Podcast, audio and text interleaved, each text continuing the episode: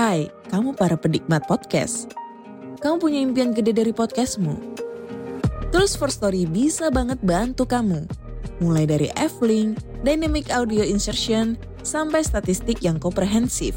Semua ada di First Story. Gak ketinggalan kamu bisa monetisasi podcastmu lewat iklan dari First Story Ads yang bisa kasih kamu penghasilan dari setiap place podcastmu. Yuk gabung sekarang dengan klik di firststory.me. Sekali lagi, klik di firststory.me. Mari kita bawa mimpi podcastingmu menjadi kenyataan.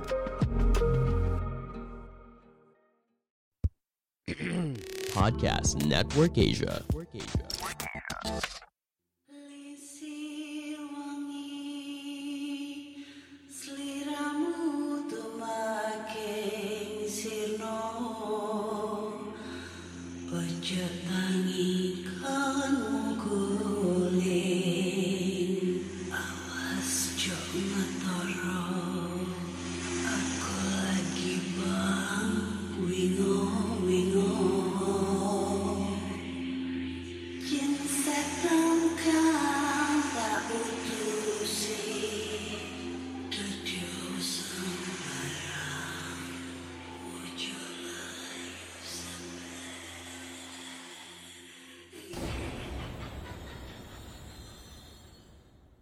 Hai Rek, yo apa kabar Ketemu lagi dengan aku si Ana di podcast kisah horor. Kita bertemu di episode 183 ya. Kemarin salah ngomongnya 183, ternyata 182.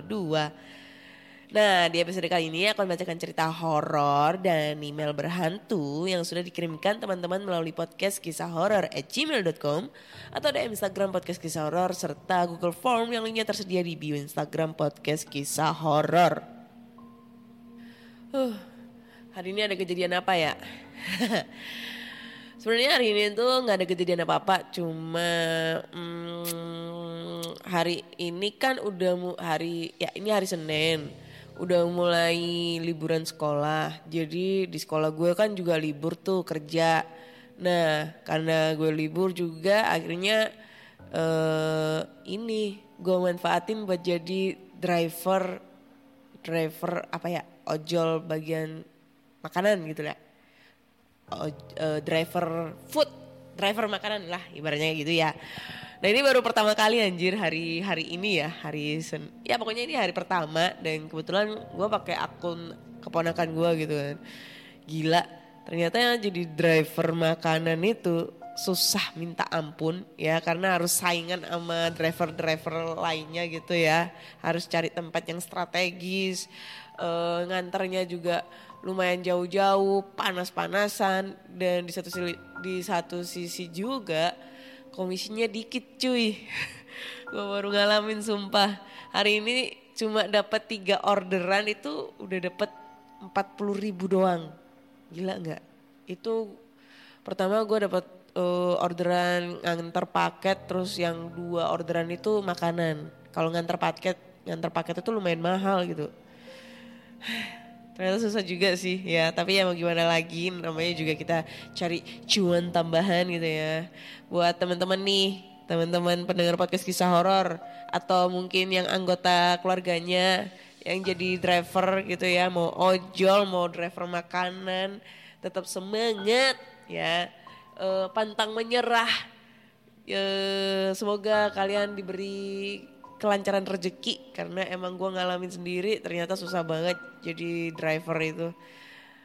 Ya gitulah pokoknya. Pengalaman baru nih tapi ya nggak apa-apa sih. Namanya juga kita cari cuan tambahan apa pun pekerjaannya yang penting halal sikat gitu ya. Oke langsung aja kita bacakan cerita horor nih ya. Dan cerita pertama ini datang dari email langsung aja Email kali ini datang dari namanya Satrio. Ya, Satrio. Belakangnya ada namanya Rio. Rio. Agak sensi gue kalau ada kata-kata Rio gitu ya.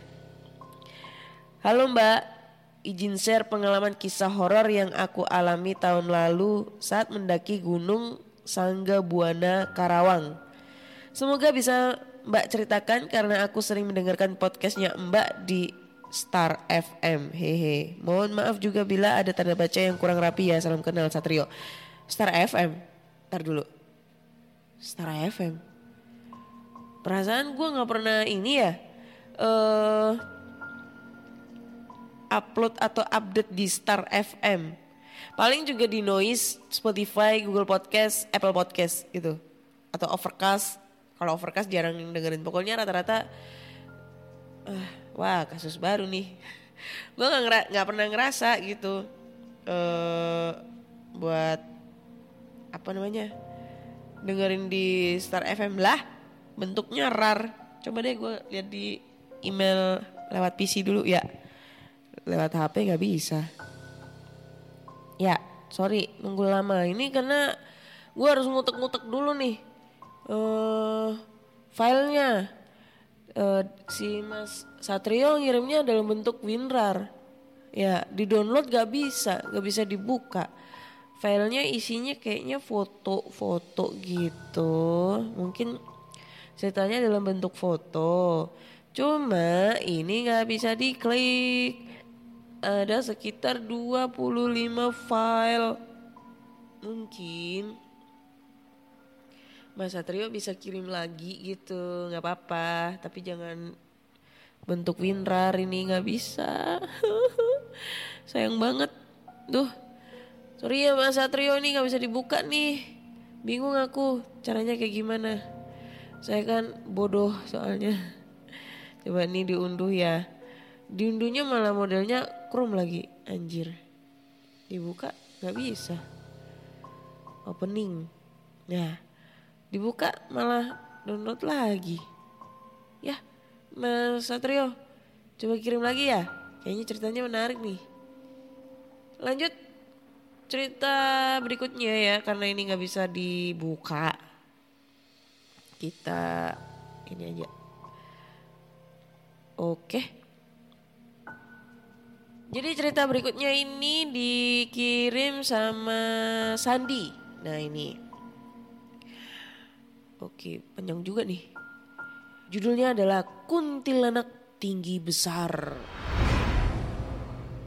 Halo kak, saya Sandi dari Bekasi. Mungkin ini cerita kedua yang udah saya kirim. Semoga aja kedua cerita saya bisa dibacakan. Hehehe. Pengalaman ini saya alamin ketika saya sedang berkunjung ke Pulau Madura, tepatnya di Pulau Gili Genting. Jadi awal mulanya adalah keingintahuan eh, saya akan dunia gaib itu seperti apa. Mungkin di malam itu adalah pembuktiannya. Ini bisa terjadi karena memang saya saat itu berteman dengan orang yang memiliki kelebihan. Sebut saja dia si A. Si A ini udah berumur sekitar 32 tahun.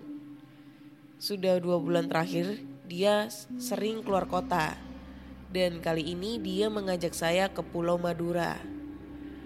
Karena mendapat undangan untuk mengobati anak seorang Pak Haji yang sudah tiga tahun menderita sering bertingkah aneh. Singkat cerita, setelah selesai melakukan pengobatan di malam ketiga kami di rumah Pak Haji tersebut, saya pun mengobrol dengan teman saya karena ini mungkin momen yang tepat untuk bertanya sekaligus memintanya. Bang, saya mau bahas yang waktu itu dijanjiin ke saya. Kalau sekarang bisa nggak? Tegasku sembari sedikit malu. Oh, emangnya udah siap? Tapi jangan salin saya ya. Kalau kebayang-bayang terus, wah buka mata batin nih kayaknya nih ya. Saya juga tertarik ini Mas Sandi. Dengan lantang saya pun mengiyakan karena memang ini adalah waktu yang tepat. Setelah saya siap, saya pun diberikan bacaan zikir oleh beliau yang di mana pada saat saya membacanya harus memejamkan mata. Saya melakukan pembuktian itu di halaman rumah Pak Haji. Saya diminta berpisah sendiri dan tiga teman saya berada di teras. Layaknya sedang uji nyali. Oh iya kak, karena kami berada di sebuah pulau, jadi dataran tanahnya tersebut didominasi dengan pasir dan kulit kerang kecil yang mana kalau dipijak oleh kaki pasti bersuara. Setelah itu saya pun membaca beberapa kalimat zikiran tersebut sambil memejamkan mata saya sesuai dengan perintah rekan saya. Belum sempat ada lima menit saya membacanya, tiba-tiba ada langkah kaki berlari-lari di depan saya dari kanan ke kiri berulang-ulang. Saya heran dan cukup kaget. Siapa yang lewat? Ucapku dalam hati. Karena secara logika kalau teman saya itu pasti sudah terdengar dari jauh langkah kakinya. Kalau ini seperti sudah ada seseorang yang berdiri di samping dan siap berlari. Saya tidak terlalu menghiraukan gangguan itu karena tujuan saya adalah melihat sosok bukan mendengar suara. Setelah beberapa saat dari saya mendengar langkah kaki, tidak lama bulu kuduk serentak berdiri dari kaki sampai kepala dan memuncak di bagian leher belakang seperti ada yang merasuki tubuh ini. Dan tiba-tiba si A pun memanggil, meminta saya segera kembali ke teras. Sesampainya di teras, saya malah ditertawakan oleh si A, seperti layaknya meledek. Dan selepas itu bertanya, gimana? Masih mau tahu tentang dunia gaib? Itu yang tadi baru suaranya aja belum wujud. Eh, itu yang tadi baru suaranya aja, belum wujudnya. Saya dengan rasa penasaran yang makin menjadi bertanya kembali. Memang yang tadi apa itu bang wujudnya? Ternyata ada alasan mengapa diminta memejamkan mata saat membaca kalimat tersebut. Karena yang tadi mendekati saya adalah sesosok gendruwo yang di mana sedikit kesal dengan saya karena merasa terpanggil. Tetap saja bagi saya ini belum membuktikan bahwa saya dapat melihat dengan sengaja makhluk gaib. Setelah beberapa jam saya bertanya dan dijelaskan oleh dunia kasat mata, kami beranjak istirahat karena waktu sudah menunjukkan jam jam 1 pagi. Kami tidur berempat sejajar di ruang tamu bagian belakang. Saya ingat sekali pada waktu itu saya tidur paling kiri di pinggir persis dekat pintu kamar mandi. Pandangan saya hanya langit-langit ruang tamu dan dinding dari salah satu kamar. Entah kenapa, saya hanya Eh, entah kenapa, hanya saya yang susah tidur. Kurang lebih sudah 15 menit saya tidak bisa tidur. Namun di sini adalah momen yang mungkin saya tunggu-tunggu. Di saat saya memejamkan mata, terlihat dengan begitu jelas sosok wanita berambut gimbal panjang seperti menempel di dinding.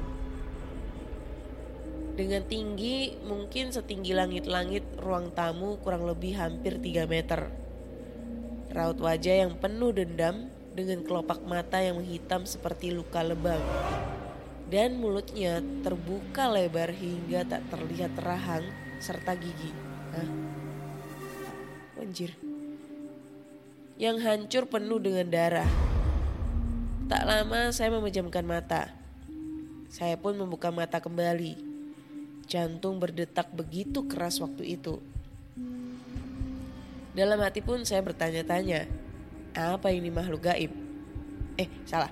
Apa ini makhluk gaib? Nah, salah bacanya ya. Kok setiap saya memejamkan mata, sosok itu pun kembali muncul di depan pandangan saya. Tidak ada rasa takut pada waktu itu, hanya perasaan kaget karena terkejut akan kehadirannya. Semenjak kejadian itu saya jadi lebih sensitif dengan hal-hal yang mengandung gaib. Terkadang jika melintas tempat yang bisa digolongkan angker, badan saya pastinya merasa tidak enak serta perasaan mau muntah setelah itu. Mungkin itu sedikit pengalaman saya kak. Maaf kalau kurang menyeramkan dan penyusunan kata-katanya masih berantakan. Wih, keren nih ceritanya ya dari Mas siapa tadi namanya? Ah, lupa.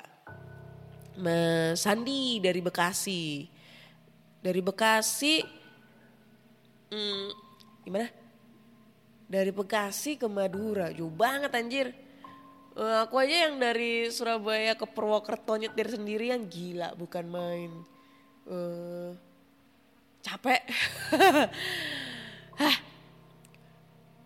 Tapi temennya itu yang bisa buka mata batin ada nggak? Masih ada nggak? Kira-kira kalau buka mata batin saya atau mata hati atau hati saya gitu, buat bisa ini apa namanya ngelihat sosok-sosok gitu bisa nggak? Karena dari dulu tuh aku pengen banget gitu loh, apa namanya kayak ngelihat ngelihat sosok gitu. Intinya gue tuh pengen banget caranya buat ngebuka mata batin tuh kayak gimana gitu loh.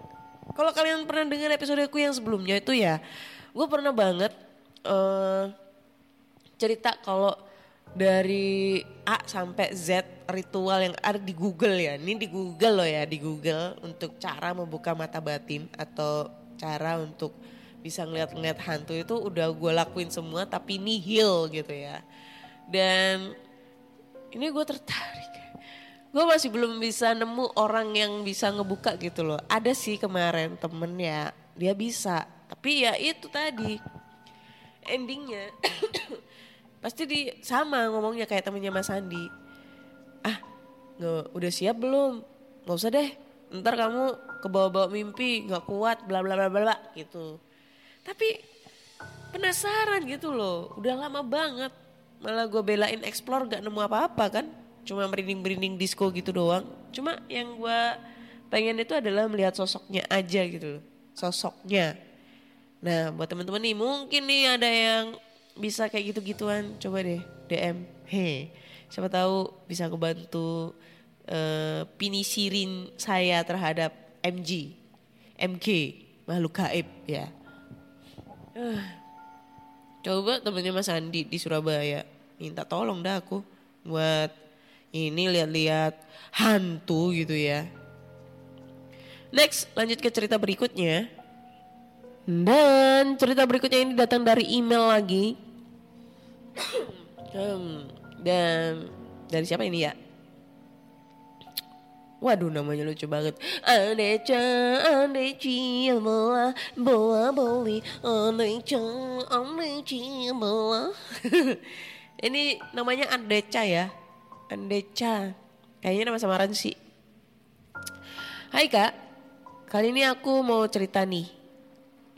Ini pengalaman teman sekelas aku di bangku kuliah yang mempunyai hobi mendaki gunung. Dan tentu saja dia punya beberapa cerita menarik untuk diceritakan di di kelas waktu itu selepas pulang dari mendaki.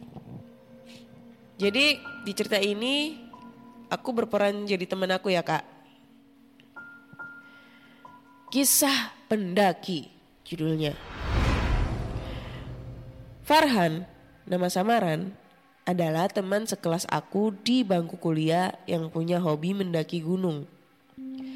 Dia siap melalang buana di Indonesia, mencari gunung untuk didaki bersama teman-temannya yang memiliki hobi serupa.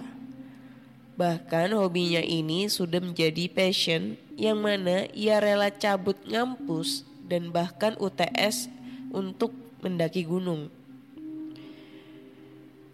Ada beberapa eh biasanya Farhan selalu menceritakan pengalamannya kepada kami, teman-teman sekelasnya. Memamerkan foto-foto yang ia ambil dan juga tak luput dari cerita-cerita mistis. Ada beberapa cerita yang membuat aku bergidik ngeri ketika membayangkan dan si Farhan sendiri sebagai narasumber cerita ini memang mengalaminya secara langsung. Kala itu Farhan berada di puncak sebuah gunung di wilayah Sumatera Barat. Dia dan teman-temannya mendirikan tenda untuk bermalam sebelum paginya turun gunung. Sebelum malam tiba, dia dan salah satu temannya mencari sumber mata air terdekat untuk persediaan air minum yang memang sudah menipis. Farhan dan teman dan satu temannya lagi, Ewin, nama samaran, saat itu mengambil air dengan perasaan yang sangat eh yang memang sangat tidak enak.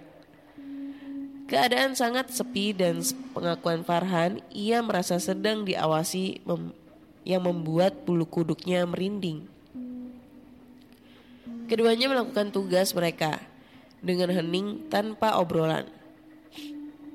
Dan tak lama setelah itu mereka mendengar suara tawa wanita dan menurutnya suara itu terdengar amat sangat pelan. Han, racau Ewin. Iya, gue tahu. Udah cepetan isi. Dan saat itu mereka belum sadar kalau suara pelan itu menandakan bahwa keberadaan sosok itu artinya sangat de- sangat dekat dengan mereka. Di puncak gunung tersebut bukan ada hanya kelompok mereka saja. Tentu saja ada beberapa kelompok pendaki lainnya yang mendirikan tenda. Dan wajar bila Farhan main dan menyapa kelompok lain itu. Ketika malam tiba, Farhan mengajak teman-temannya untuk main ke tenda lain. Hanya Ewin yang mengiyakan, sedangkan dua teman lainnya memilih untuk di dalam tenda. Mak- Maka berangkatlah Farhan dan Ewin untuk mampir sekedar mengopi dan mengobrol dengan orang-orang dari tenda yang mereka kunjungi tersebut yang agaknya memang seorang pendaki senior.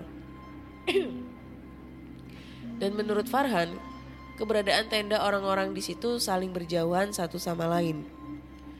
Jadi dari satu tenda gak akan bisa ngelihat keberadaan tenda yang lainnya.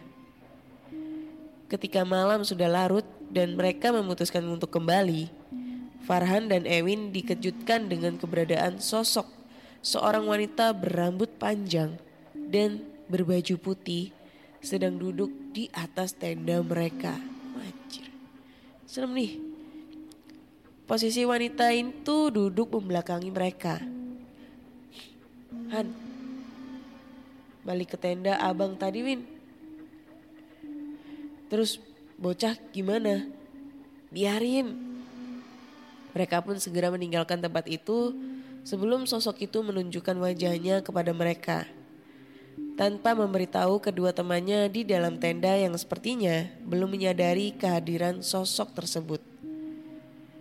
Mereka pun menceritakan hal tersebut kepada pendaki senior sebelum mereka kembali ke tenda mereka dan mendapati bahwa sosok itu tidak lagi berada di sana. Malam tiba, kantuk pun menyerang Farhan dan kawan-kawannya. Tapi kejadian barusan membuat Farhan dan tentu saja Ewin susah untuk tidur. Gue mau ngerokok, bentar, ikut yuk. Ajak Ewin memecah keheningan. Ewin hanyalah satu-satunya perokok di kelompok ini. Tak tanggung, rokoknya adalah rokok berat seperti kretek. Gah, eh enggak. Gak ah, lu aja sana. Farhan yang memang belum pernah menyentuh rokok pun menolaknya. Sepintas ragu terbesit di wajah Ewin. Takut, tapi mau gimana lagi? Ia jelas tidak bisa merokok di dalam tenda. Ya udah deh.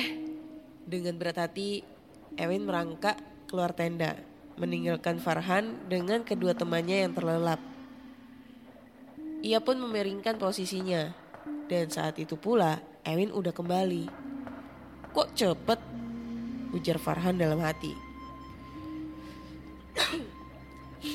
Win, lu kok gak jadi ngudut? Tanya Farhan curiga. Jangan-jangan si Ewin digangguin. Tapi si Ewin ini tenang-tenang aja dan langsung merebahkan dirinya di samping Farhan. Hmm, nyamar nih setan. Udah ketebak. Posisi Farhan saat itu membelakangi Ewin. Dan Farhan yakin ada sesuatu yang aneh. Ia pun mulai memegang tangan kedua temannya yang terlelap seraya mengelusnya. Manjai. Begitu ia melanjutkan kegiatannya sampai tiba di bagian Ewin. Lu ngapain sih Han? Oh, temannya terbangun. Udah, gak apa-apa, iseng. Sorry sorry, ujar Farhan santai dan temennya pun terlelap tak lama kemudian. Aduh, namun Farhan sendiri merasa amat sangat ketakutan. ia memejamkan matanya, berdoa dalam hati sebelum akhirnya rasa kantuk mengalahkan rasa takutnya. Aduh. Esok harinya ketika sampai di kaki gunung, Farhan menceritakan pengalamannya bersama Ewin perihal sosok di atas tenda. Dan ketua dan kedua temannya hanya bisa melongo. Oh iya Win, lu semalam jadi ngudut. Jadi, gue ke tempat abang-abang semalam. Terus baliknya dianterin. Emang kenapa? Semalam nggak lama lu keluar, tiba-tiba lu masuk lagi ke tenda, Win. Hah? Gak mungkin. Iya. Gue pegang tangan bocah hangat-hangat. Tapi pas gue pegang tangan lu, dingin. Anjir. Enggak lah.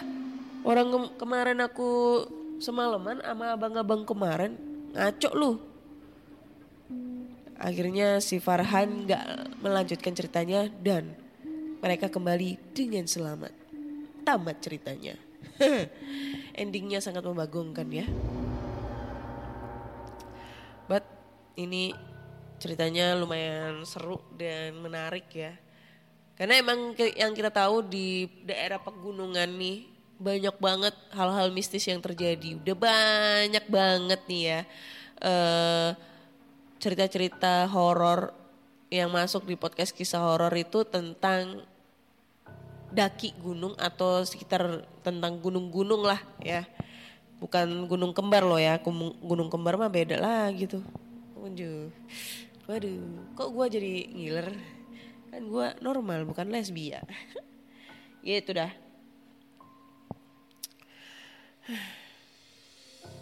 Kapan ya? Gunung itu bukan jadi identik horor, melainkan identik dengan ya eh, kayak fun park gitu. Gimana ya? Kayak nggak ada kesan horornya gitu loh kalau di gunung itu. Tapi ya susah orang gunung juga jarang di jama manusia. Di jama juga pas hari-hari tertentu aja kalau lagi banyak pendaki datang gitu. Dan itu pun juga satu, dua, tiga, ya paling banyak juga 10 orang ngedaki. Sedangkan gunung lu eh gunung ya gunung dan hutan sekitarnya tuh luasnya lebar banget cuy. Luas banget lah ibaratnya. Ya gitulah pokoknya. Ini kayaknya akhir-akhir ini podcast kisah horor agak ini ya ngebosenin gitu ya.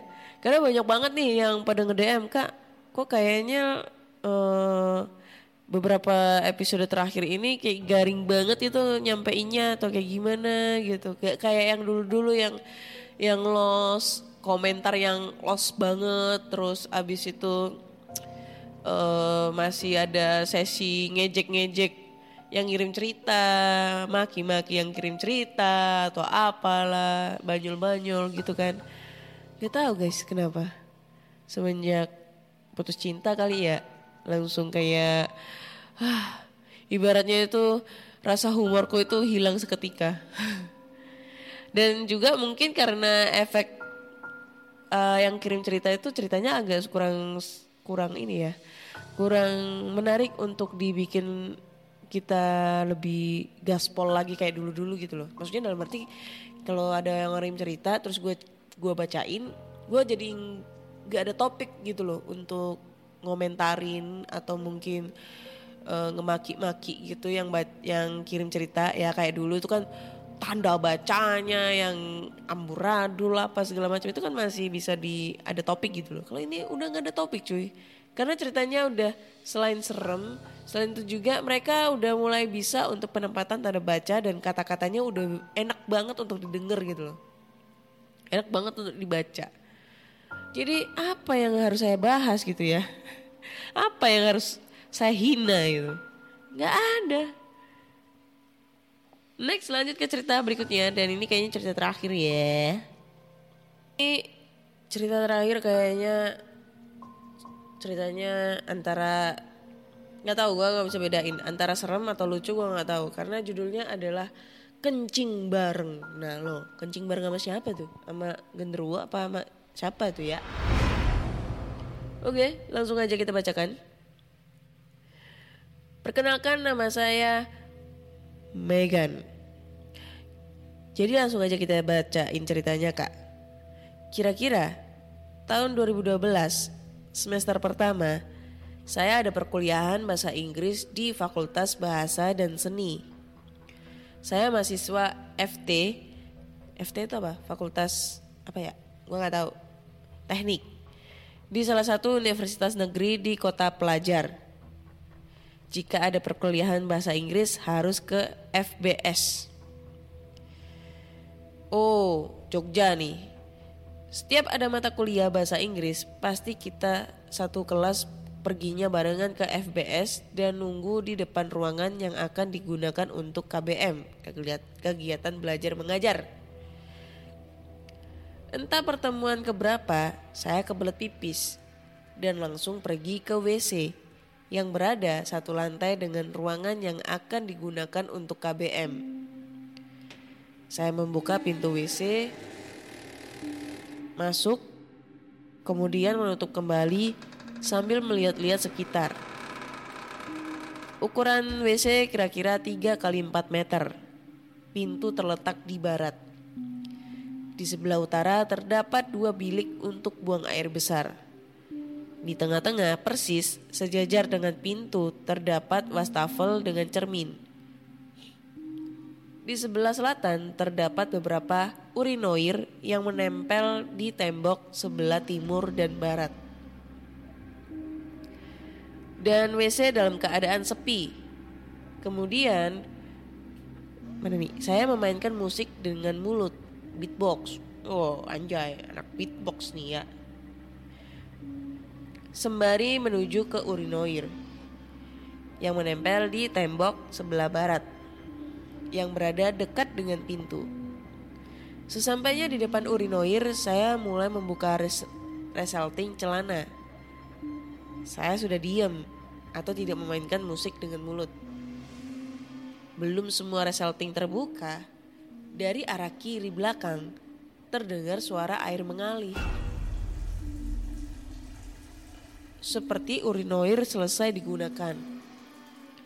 Saya otomatis nengok untuk memastikan dan memang airnya masih mengalir. Urinoir paling selatan yang menempel di tembok sebelah timur. Saya ngebatin, ini urinoirnya pakai keran push button. Jika rusak kan kedengeran dari tadi airnya ngalir. Wah, dikerjain nih. Kemudian saya membatalkan untuk buang air kecil, menutup resalting, merapikan celana, menuju pintu, membukanya, kemudian menutup kembali, dan menuju ke depan ruangan yang akan digunakan KBM dengan santai. Selesai ceritanya ya. Saya tanya cowok cuy, lagi mainan urinoir. Tahu nggak urinoir apaan? Nah, ntar nggak tahu lagi urinoir apaan. Nih gue tahu urino- urinoir tuh gara-gara dulu gue pernah kerja di apa namanya di karoseri itu disuruh bikin mobil toilet, mobil yang khusus truk yang khusus untuk toilet, terus disuruh beli urinoir. Nah gue baru tahu ternyata urinoir itu tempat kencing buat cowok gitu loh. Kalau di toilet-toilet mall kan ada tempat kencing yang nempel di tembok tuh. Nah itu namanya urinoir gitu guys. Ntar kali ada yang nggak tahu, maka kita jelaskan saja gitu. Tapi ini kayaknya emang sengaja gitu ya. Kebelet pipis gitu ya. Niatnya tuh setan kebelet pipis. Jadi ya hal hal yang tidak tak perlu ditakutin gitu loh. Daripada dia kencing di celana ya kan. eh, pipis yang bercecer ke mana-mana. Yang baunya pesing ke mana-mana ya. Mending dia pipis di di toilet gitu. Berarti ini setannya ramah dan harus mendapatkan bintang 5 nih karena dia pipis pada tempatnya.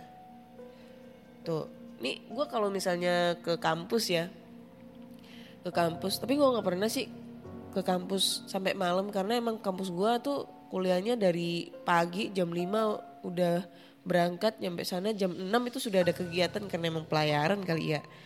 Jam 6 ya paling sampai sore gitu dan gue nggak pernah ngalamin yang namanya kuliah malam tapi kalau sampai itu terjadi sama gue gitu pas posisinya kuliah malam bakal serem banget anjir. Karena kalau kuliah malam itu kan ini ya rata-rata sepi gitu loh. Hanya beberapa fakultas aja gitu, berapa kelas gitu yang kuliah malam. Beda kalau yang di mall, mall kan ramai banget tuh, nggak bakalan nggak bakalan apa ya, nggak bakalan heboh gitu kalau ada urinoir yang bunyi sendiri gitu. Nggak kedengeran, kebanyakan kedengeran kena eh, ini apa musik dari mall apa segala macam. Tapi kalau di kampus serem cuy. Ya kan?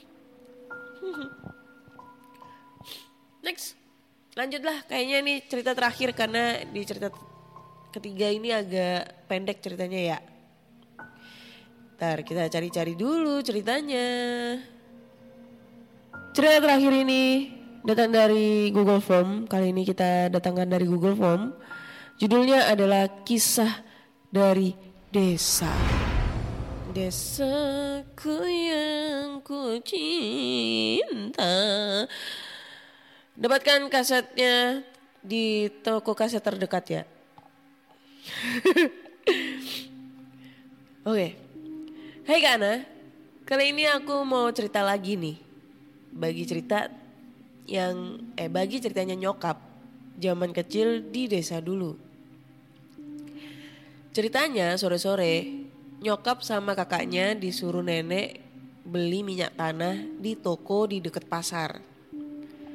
Balik dari toko ketemu nenek di tengah jalan depan eh gimana sih? Balik dari toko ketemu nenek di tengah jalan depan rumah. Saudara laki-laki nenek dan nyokap masih ngasih kembalian ke. Ini, ini ntar, ntar dulu. Gimana ya? Balik dari toko ketemu nenek di tengah jalan depan rumah saudara laki-laki nenek. Oh, dan nyokap ngasih kembalian ke nenek. Nah, pas nyampe rumah, tebak. Nyokap ketemu nenek dan ditanyain kembalian beli minyak. Nyokap bilang kalau tadi ketemu nenek di depan rumahnya Pak D. Dan kembalian udah dikasih. Akhirnya nyokap sama kakaknya balik ke TKP dan nemu duit kembalian tergeletak di jalan. Zaman SMA, gue sekolah di luar kota. Tinggal di kosan bareng anak kos lainnya. Yang punya kos ceritanya orang yang pintar ngobatin orang sakit dengan doa-doa. Seingat gue, pernah antara sadar gak sadar pas tidur, lihat bocah-bocah gundul pada main lompat-lompatan tengah malam. Anjir. Dan di lantai dua tempat gue sama teman-teman pada ngekos sering banget ada rambut panjang di lantai. Tiap pagi pasti pas nyapu pasti ketemu lagi rambut panjang di lantai. Padahal isinya anak cowok semua di lantai dua. Kalau aneh, eh aneh, kalau aku zaman SD dulu sering les sampai malam. Balik ke rumah pasti mendekati jam 9. Pernah belakang rumah beda kebon ada tetangga yang meninggal. Jadi rumah orang tuaku itu ada di tengah-tengah desa. Model kampung-kampung gitu kak. Setelah kampung terakhir, eh gimana sih? Setelah tampung, setelah kampung terakhir sebelum kampung gue, gue ada rumah besar yang sepi. Aduh gimana nih kesan, konsepnya ya. Setelah kampung terakhir, sebelum kampungku, nah gimana tuh? Setelah kampung terakhir sebelum kampungku. Ya kampung sebelahnya dia ya, kampung sebelah rumahnya dia itu ada rumah besar yang sepi. Dulu di sana ceritanya ada yang bunuh diri di sumur. Nah, aku sering sport jantung nih kalau lewat rumah ini. Apalagi sampai kampungku ada kebun juga. Gelap, gelap. Aduh, gimana nih konsepnya nih? Masih dalam belakang rumah, eh masih dalam masa seminggu pasca meninggalnya tetangga, aku balik dari les. Mendekati jam 9. Nah, belakang rumah yang meninggal, di kebun samping rumah orang tuaku, di gelap-gelap ada orang pakai caping. Topi dari anyaman bambu lagi nyangkul. Lokasinya ini persis di kebun depan jalan di mana kejadian nyokap perkara duit kembalian tadi. ini nggak ngerti konsepnya kayak gimana ya. Di, ini gua gua kayak translate aja sih. Jadi zaman dulu waktu dia eh, eh, SD sering les sampai malam nih. Terus habis itu balik ke rumah pasti mendekati jam 9 malam. Nah pernah tuh ada kejadian belakang rumah, belakang rumahnya dia, dia yang beda kebun, belakang rumahnya dia yang beda kebun tuh gimana konsepnya? Ya, ya mungkin dia punya kebun, terus ada kebun lagi, baru ada rumah gitu ya. Ada tetangganya yang meninggal.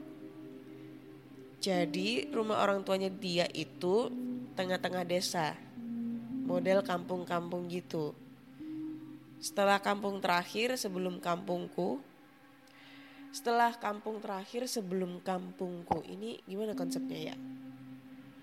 Setelah mungkin ini eh sebelahnya kampungnya dia nih ya itu ada rumah besar yang sepi. Aduh gua nggak tahu dah konsepnya kayak gimana.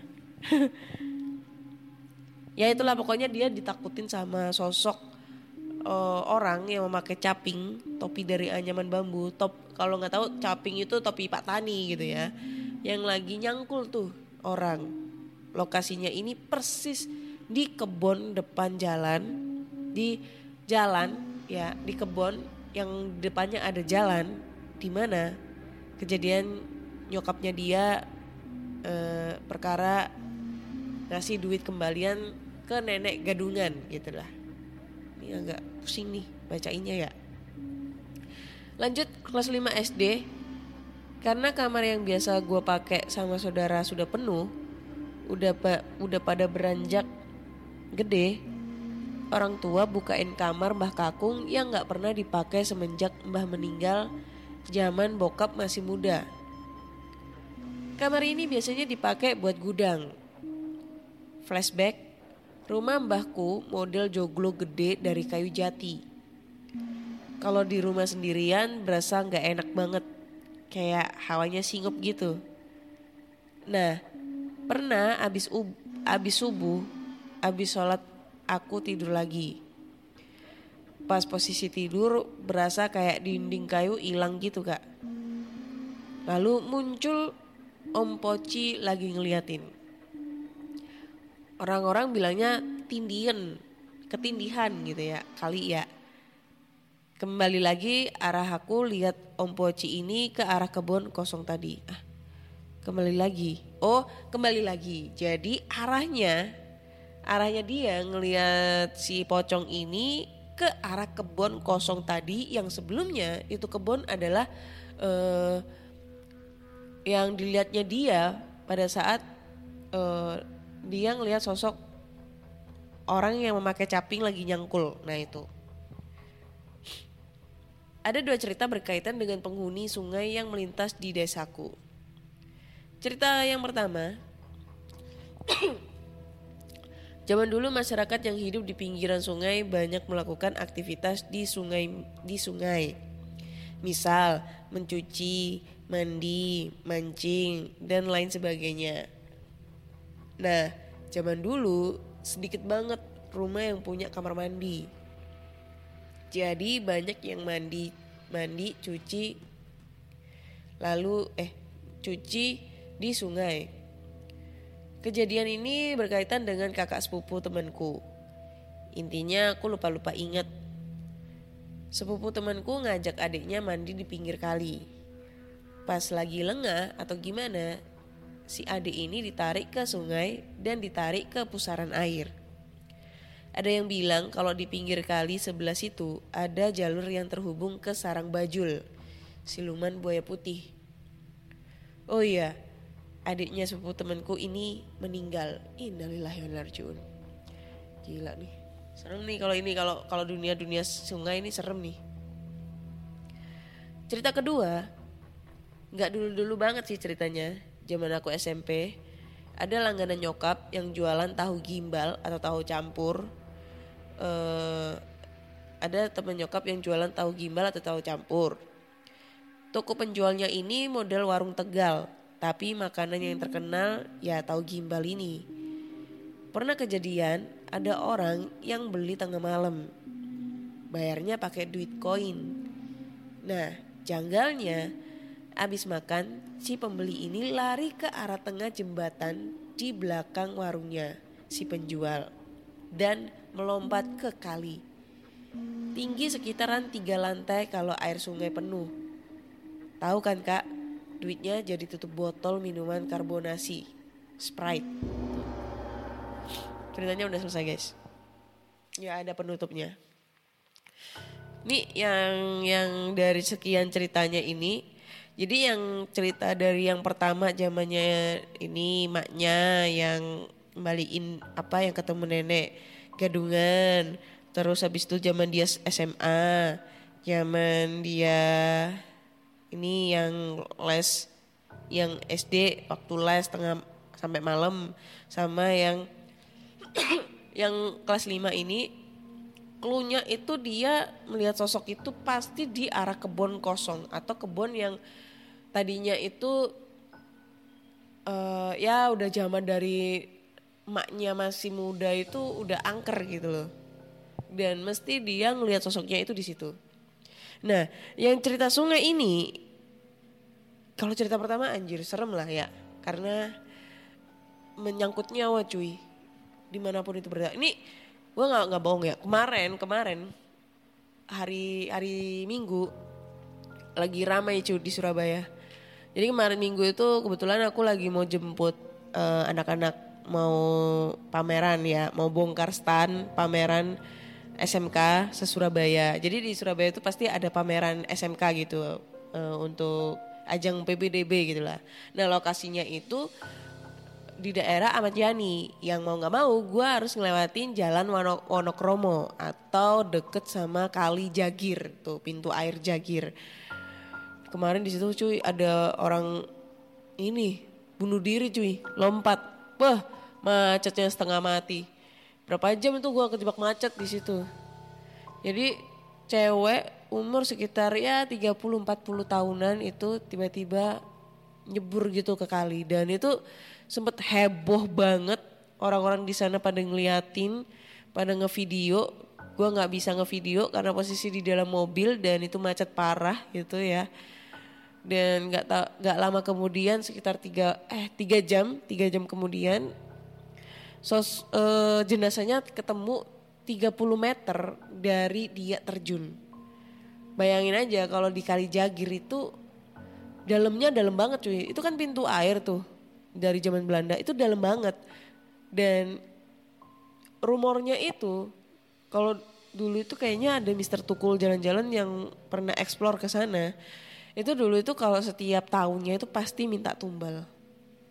Itu cuy pasti ti- minta tumbal. Tahun kemarin eh gue tahunya yang tahun 2019 itu ada yang meninggal orang berapa orang ya? Lima atau enam gara-gara ngelewatin nyebrang kali pakai drum.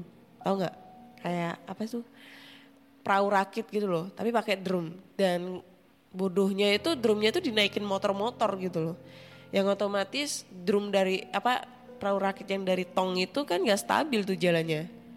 Akhirnya jatuh semotor-motornya yang meninggal ada lima orang karena hanyut nggak bisa berenang tuh. Bahaya cuy. Terus yang kedua ini ceritanya juga serem nih.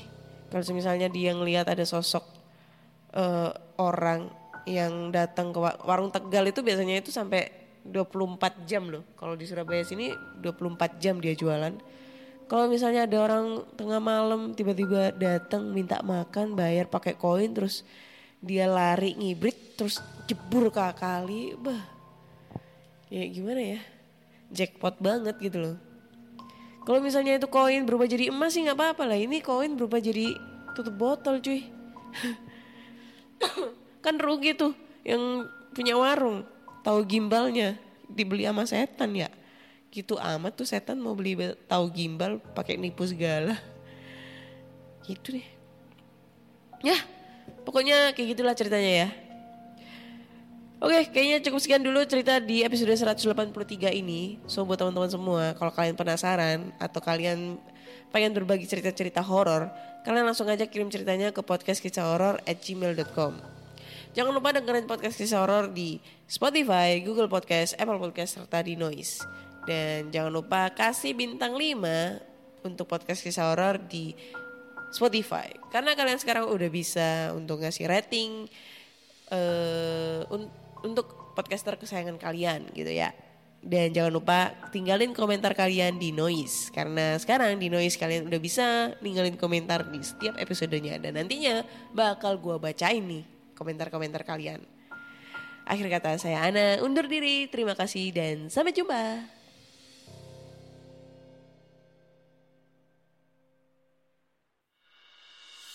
Hola, Valerie Patkar di sini. Gimana episode hari ini? Pasti seru banget. Jangan lupa juga untuk dengerin podcast Lover Session yang ngobrolin banyak banget tentang segala bentuk dan warna cinta lewat teman-teman fiksi kamu. Sampai jumpa di Lover Session. Pandangan dan opini yang disampaikan oleh kreator podcast, host, dan tamu tidak mencerminkan kebijakan resmi dan bagian dari podcast Network Asia. Setiap konten yang disampaikan mereka di dalam podcast adalah opini mereka sendiri dan tidak bermaksud untuk merugikan agama, grup etnik, perkumpulan, organisasi, perusahaan, perorangan, atau siapa pun dan apa pun.